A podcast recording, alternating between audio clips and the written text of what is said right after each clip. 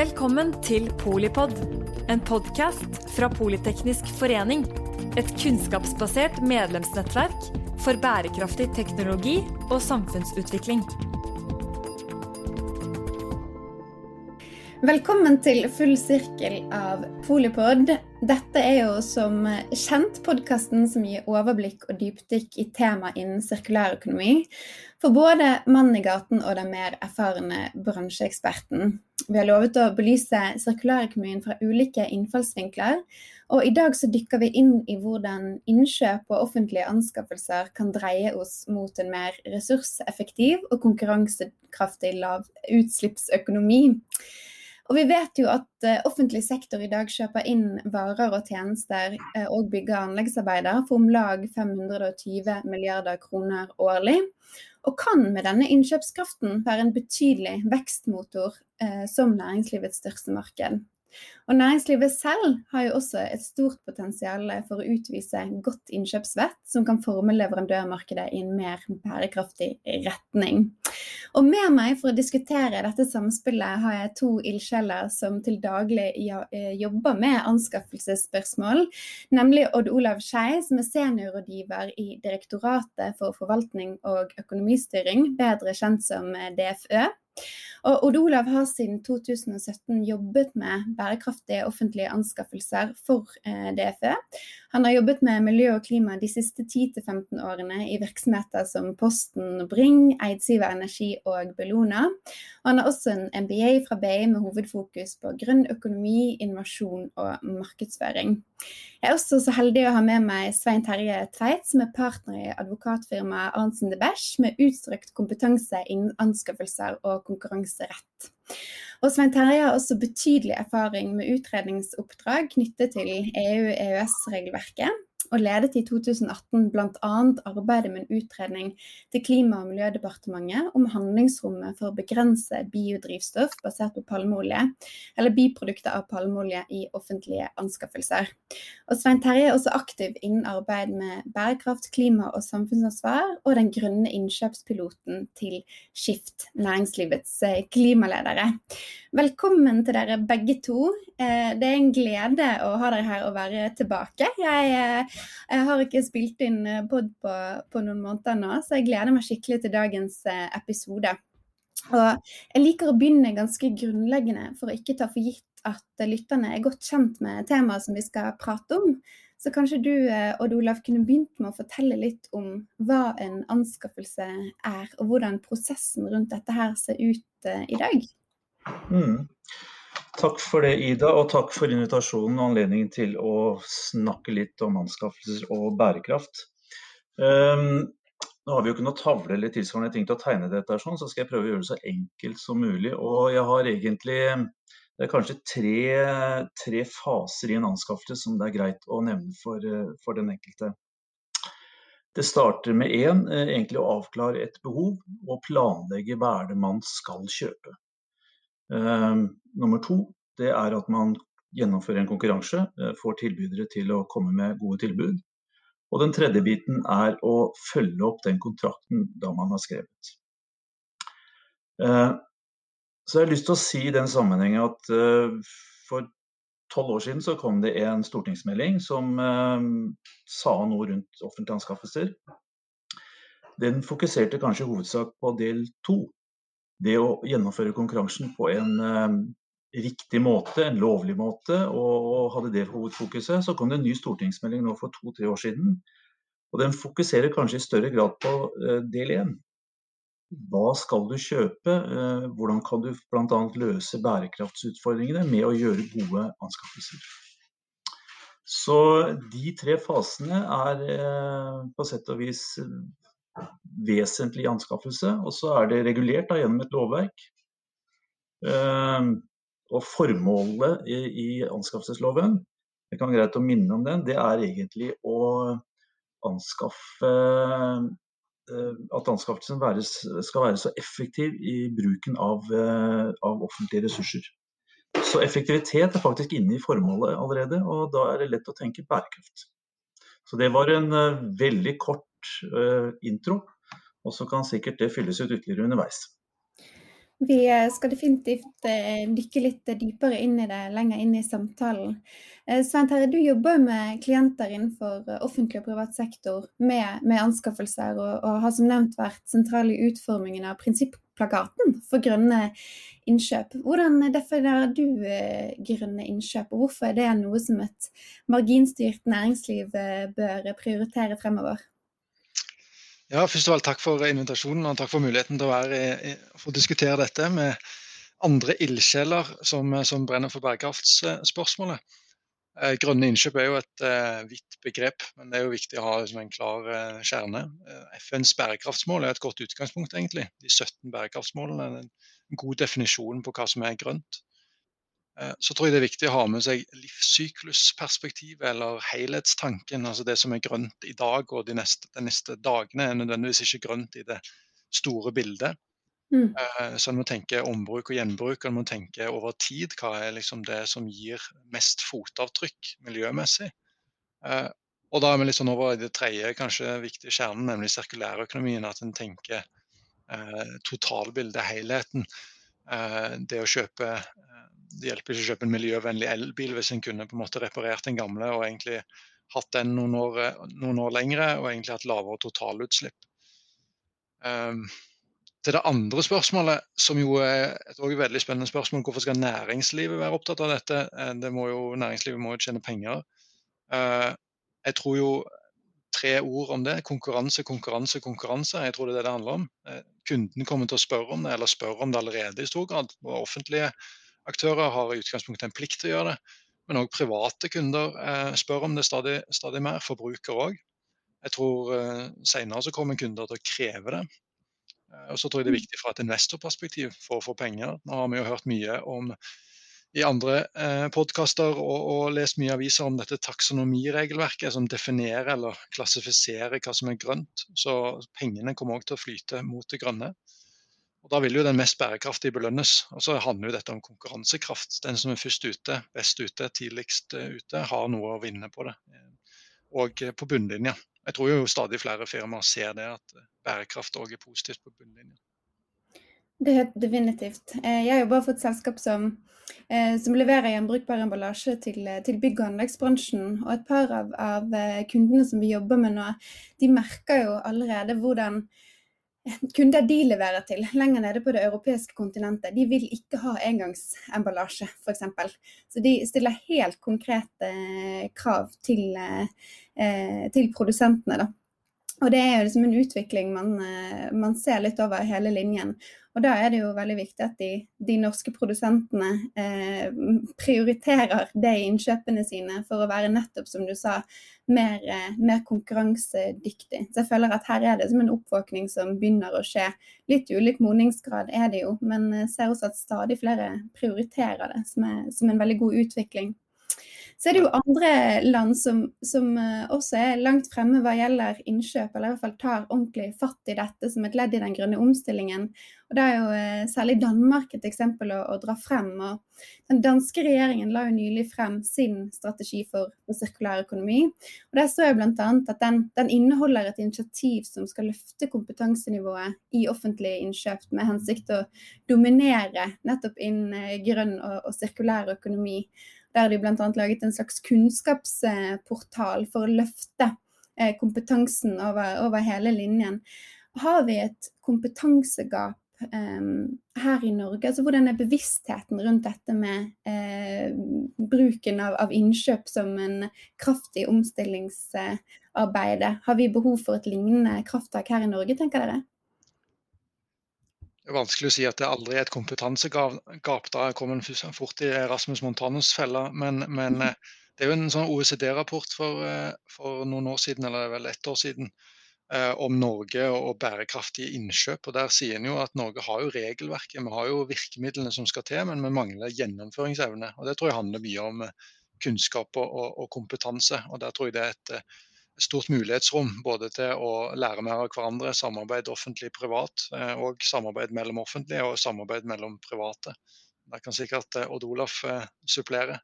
Ja, nei, men Jeg er helt enig med deg. og Jeg, jeg gravde litt i Det skal jo komme en stortingsmelding rundt sirkulære anskaffelser. og Det er gjort et lagd et kunnskapsgrunnlag som peker på hva, hvor er barrierene. Og det er påpekt at det må jobbes med kompetanse på, på, alle felter. At det er kritisk. Uh, også, kompetanse er jo en ferskvare. Uh, vi får ny kunnskap på flere felter. Og det gjelder på sett og vis hele tiden å være sulten og se etter nye muligheter og, og fylle på. Så åpenbart så, så gjelder det å på begge sider av forhandlingsbordet eh, og fra alle aktører å øke, bygge på, på, den kompetansen som allerede er. Og DFØ prøver jo da med, med, type veiledning på sine sider og bidra inn i, i det.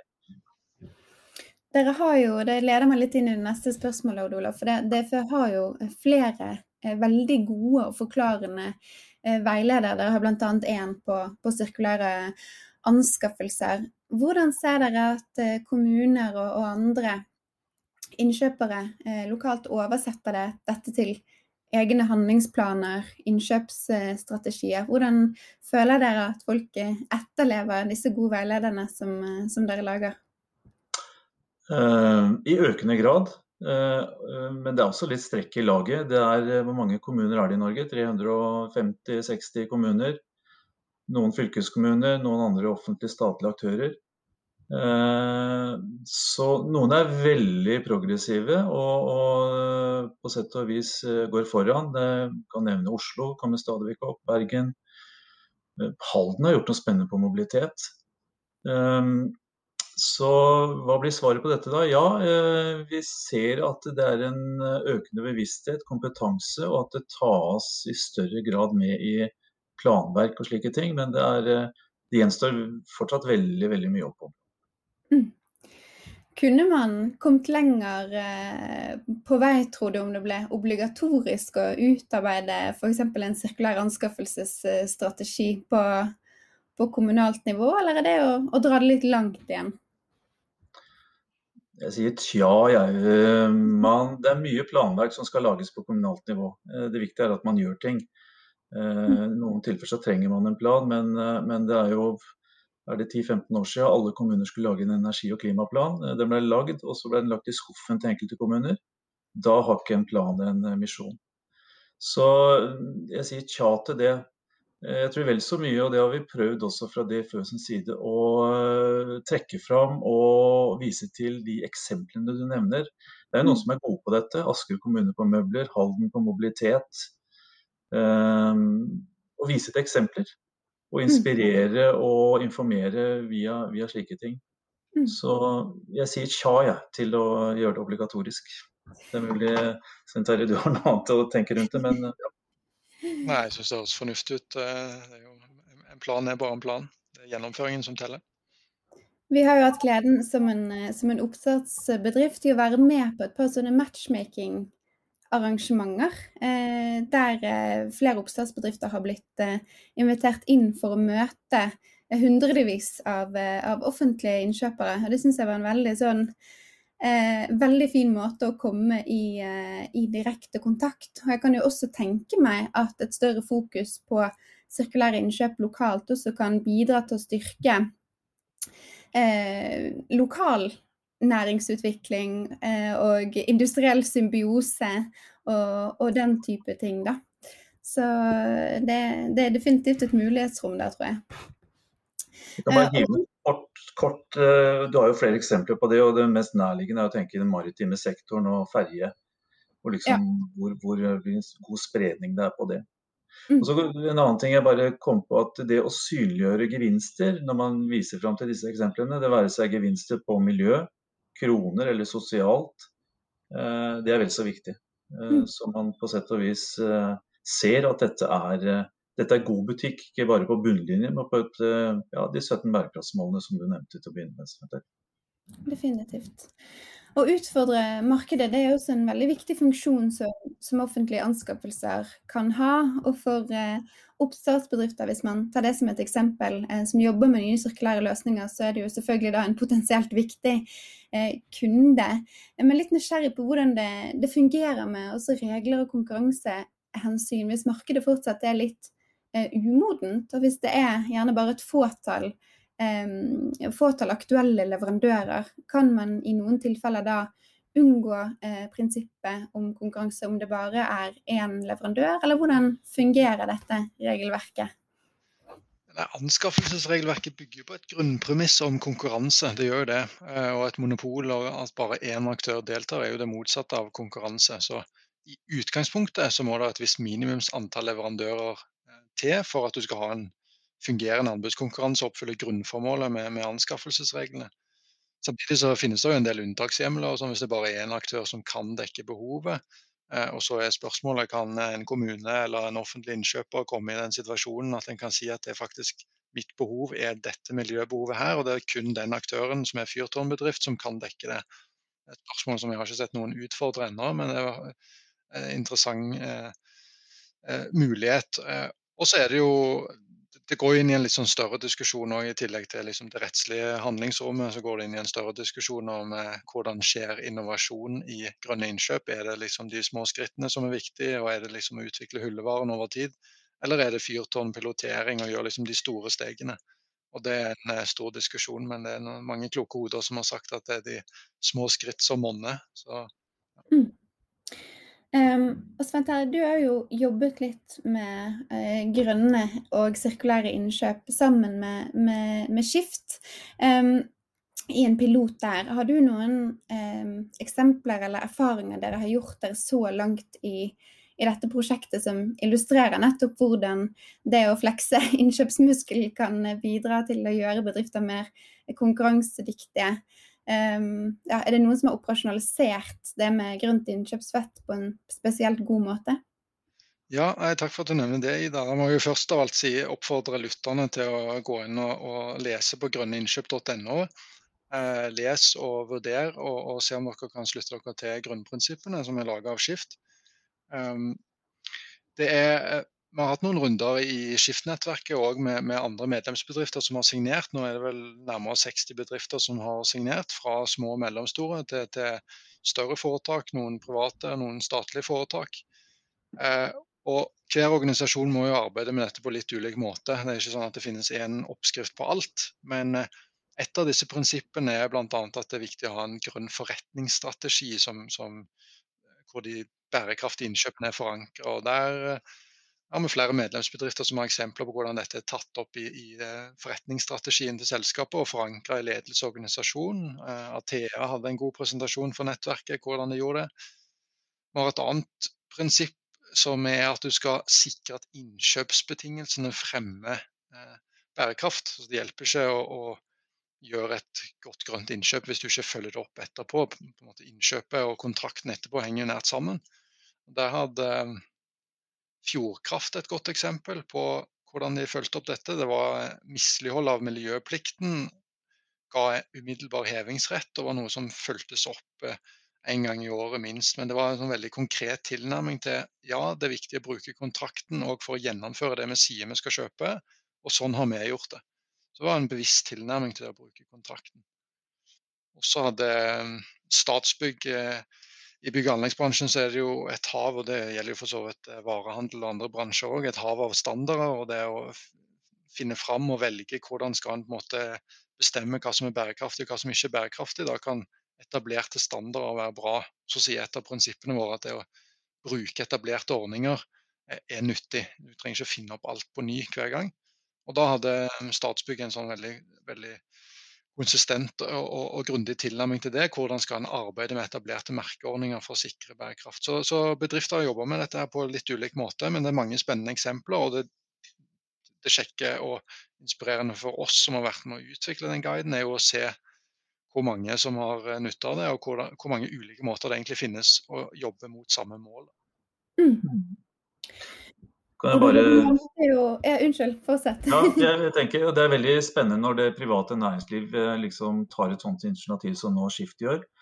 Og da møte en offentlig aktør som gjør det tilsvarende. Da, da, kan det skje saker og ting, for da har de på sett og vis de samme eh, forretningsideene og de samme målsetningene. Bærekraftsmålene, eh, mål 17 er at du skal samarbeide for å nå målene. Og da, da, kan det skje saker og ting i den gode dialogen du kan ha da mellom en offentlig aktør og, og en tilbyder. Eller flere tilbydere. Du nevnte jo så vidt denne anskaffelsesloven i sted, eh, Olav. Etter det jeg har forstått, så, så, kom det jo i 2016 noen nye formuleringer i denne loven som sier at statlige, fylkeskommunale og kommunale myndigheter skal innrette sin anskaffelsespraksis slik at den bidrar til å redusere skadelig miljøpåvirkning og fremme klimavennlige løsninger. Eh, jeg bemerket meg at det, det står jo 'skal', som jo er ganske tydelig. Eh, burde man forventet at det ble eh, håndhevet sterkere, at vi hadde egentlig kommet lenger enn det vi har gjort i dag? Ja, det er å håpe på, men etter den setningen du sa, så står det 'der dette er relevant', så du må ha med ja. det aspektet også. eh, og så skal man ta hensyn til livssykluskostnader, så det er et område som man har eh, kanskje ikke så lang historikk på. Eh, men vi er jo ildsjeler, så jeg hadde håpet at man skulle være enda mer framoverlent. Mange er det. Eh, men vi ser også at enkelte kanskje ikke helt uh, oppfyller lovens paragraf på det området. Så, så, men, men, jeg har ennå ikke, og det er kanskje du Terje, mer, mer, oversikt over, om noen har si, blitt påpekt at du har ikke fulgt dette, dette i anskaffelse. Men ja, det bør det bør få ytterligere fokus. Og, og, eh, det er mulig man skulle vært litt eh, hardere i klypa, for å si det sånn, på dette området. Jeg synes det, må bare si det er et veldig godt spørsmål. egentlig. Skal en ha en sterkere håndhevelse? Jeg tenker Svaret på det er, ja. Stortinget har jo lagt opp til at det skal være sterkere håndhevelse. Det står skal, og så er det som Olaf sier helt riktig, det er noen modifikasjoner. Og så kan en ha en større diskusjon om eh, samfunnsutvikling kan skje på mange måter. Er liksom rettsliggjøring og det det tar inn i rettslige prosesser, er det den rette måten? Men jeg tror det er et godt virkemiddel, som på mange andre områder, at en må på et eller annet tidspunkt sette hardt bak hardt og, og håndheve de reglene. Så jeg eh, ser jo fram til um, den første saken, enten for klagenemnda for offentlige anskaffelser. Det har vært noen saker, men, men relativt få. Og, og, det har vært ingen så vidt meg bekjent, rettsprosesser hvor en har utfordra dette skal-prinsippet, som du viste. Du nevnte jo dette med livssykluskostnader, Odd Olav. Jeg ble bare nysgjerrig på, har man sett noen eksempler der man i sirkulære anskaffelser også ser på å inngå da eh, samarbeid med noen som har nye former for eierskapsmodeller. At, man, eh, at det er snakk om eh, type leietjeneste, delingsøkonomi, Eh, den type ting. Hvordan passer det inn på en måte i anskaffelsesregelverket? For det ser for meg at man kanskje møter på noen litt eh, møter på noen barrierer der, da? Ja. Nei, Det er helt riktig at der er det en mulighet, og der ser vi også at enkelte har klart å få det til. Utfordringen er å måle det godt nok, altså, for du må ha noe å sammenligne med, et referansepunkt. Eh, men åpenbart så finnes det delingsmodeller i dag som er eh, i et eh, livssyklusperspektiv eller et TCO, Total Cost of Ownership-perspektiv, så er det mer gunstig med, med deling eller sirkulære løsninger. Mm. Mobilitet og eh, mobilitetsløsninger med å dele biler fremfor at alle har hver sin bil, det er et sånn veldig banalt eksempel på det. En bil mm. står jo ja, så, så ja, det, det, åpenbart så er det potensialet der. Men vi er, vi er, ikke gode nok til å regne på og synliggjøre kanskje dette, og det er utfordrende. Mm. Det er der man må se liksom, harmonisering opp mot eh, finansielt regelverk og den type ting eh, også, vil jeg tro. Um, vi skal snart gå inn for landing, men et nest siste spørsmål som handler litt om dette med, med konkurransehensyn igjen. Uh, for vi vet jo at sirkulærøkonomi det skjer jo ikke i et, eh, et, vakuum. og Det kan jo særlig fremskyndes av at aktører kommer sammen om å skape de gode løsningene.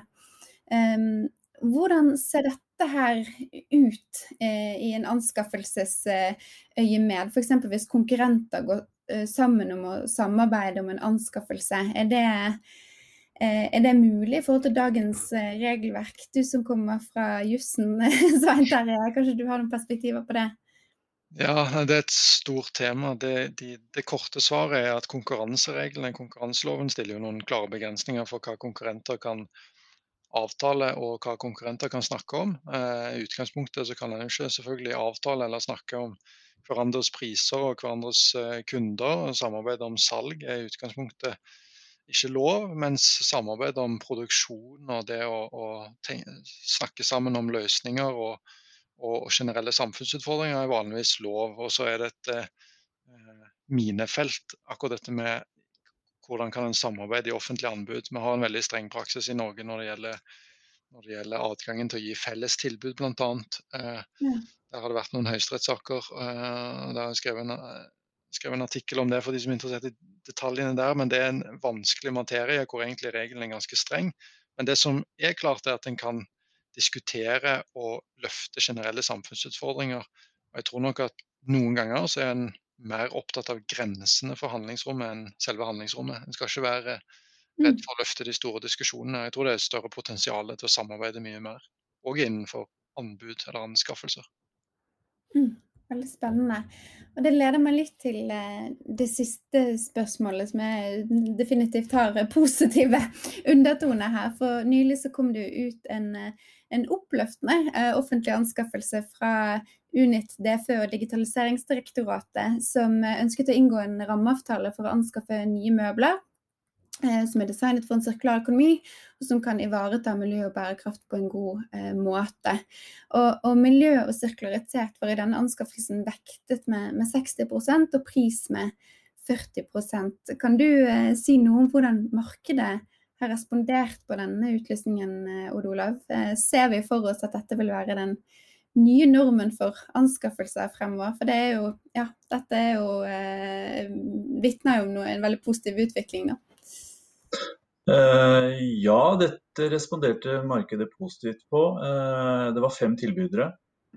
Skarp konkurranse. Og eh, når du sier altså pris var 40 og så var kvalitet og miljø 60 hvor, det var da en fordeling på miljø hadde vel 20 Eh, kvalitet 20% og, og leveringssikkerhet 20% så, Men dette fungerte bra. Eh, fem gode tilbud, én leverandør ble valgt. Eh, så kan man jo si i etterkant at ting kan bli litt bedre, men det var et første steg. Og vel så viktig var at, For dette var jo min egen virksomhet som skal flytte nå inn i et nytt bygg. Det viser litt sånn walk the talk. altså Her må hver enkelt se hva er det vi kan gjøre, og så, så bli litt bedre i neste anbud ut. Så jeg tror dette kan kan være til et eksempel til, eh, til etterfølgelse for andre. Mm. Få inspirasjon fra det. Mm. Jeg tenker at vi i dagens shownotes, show notes, som det jo heter, uh, kan også legge ved noen lenker både til disse ti prinsippene for grønt innkjøpsvett, og så den veldig fine veilederen som DFØ har for sirkulære anskaffelser, i tillegg til eh, artikkelen din, Svein Terje. Så de som lytter også kan lære mer om eh, dagens tema, for det er et veldig stort tema. Det spørs om vi ikke etter hvert også må ha en eh, oppfølgingsepisode på, på, dette her. Men jeg håper dere som hørte på, lærte noe nytt i dag. Det gjorde i hvert fall, i hvert fall jeg. Så da må vi runde av for denne gang. Jeg vil si tusen takk til våre gjester og bidragsytere, og ikke minst takk til deg som lyttet. Du finner denne og andre episoder av Full sirkel under podkasten Polipod på Spotify og Apple Podcast. Og ikke glem å følge Politeknisk forening for innsikt og inspirasjon om bærekraftig teknologi og samfunnsutvikling. Og det kommer mange flere spennende episoder av Full sirkel nå frem mot eh, sommeren. Tusen takk for i dag. Takk for at du lyttet til Polipod fra Politeknisk forening. Få med deg flere episoder, eller bli med på nettverksmøtene som du finner på at polyteknisk.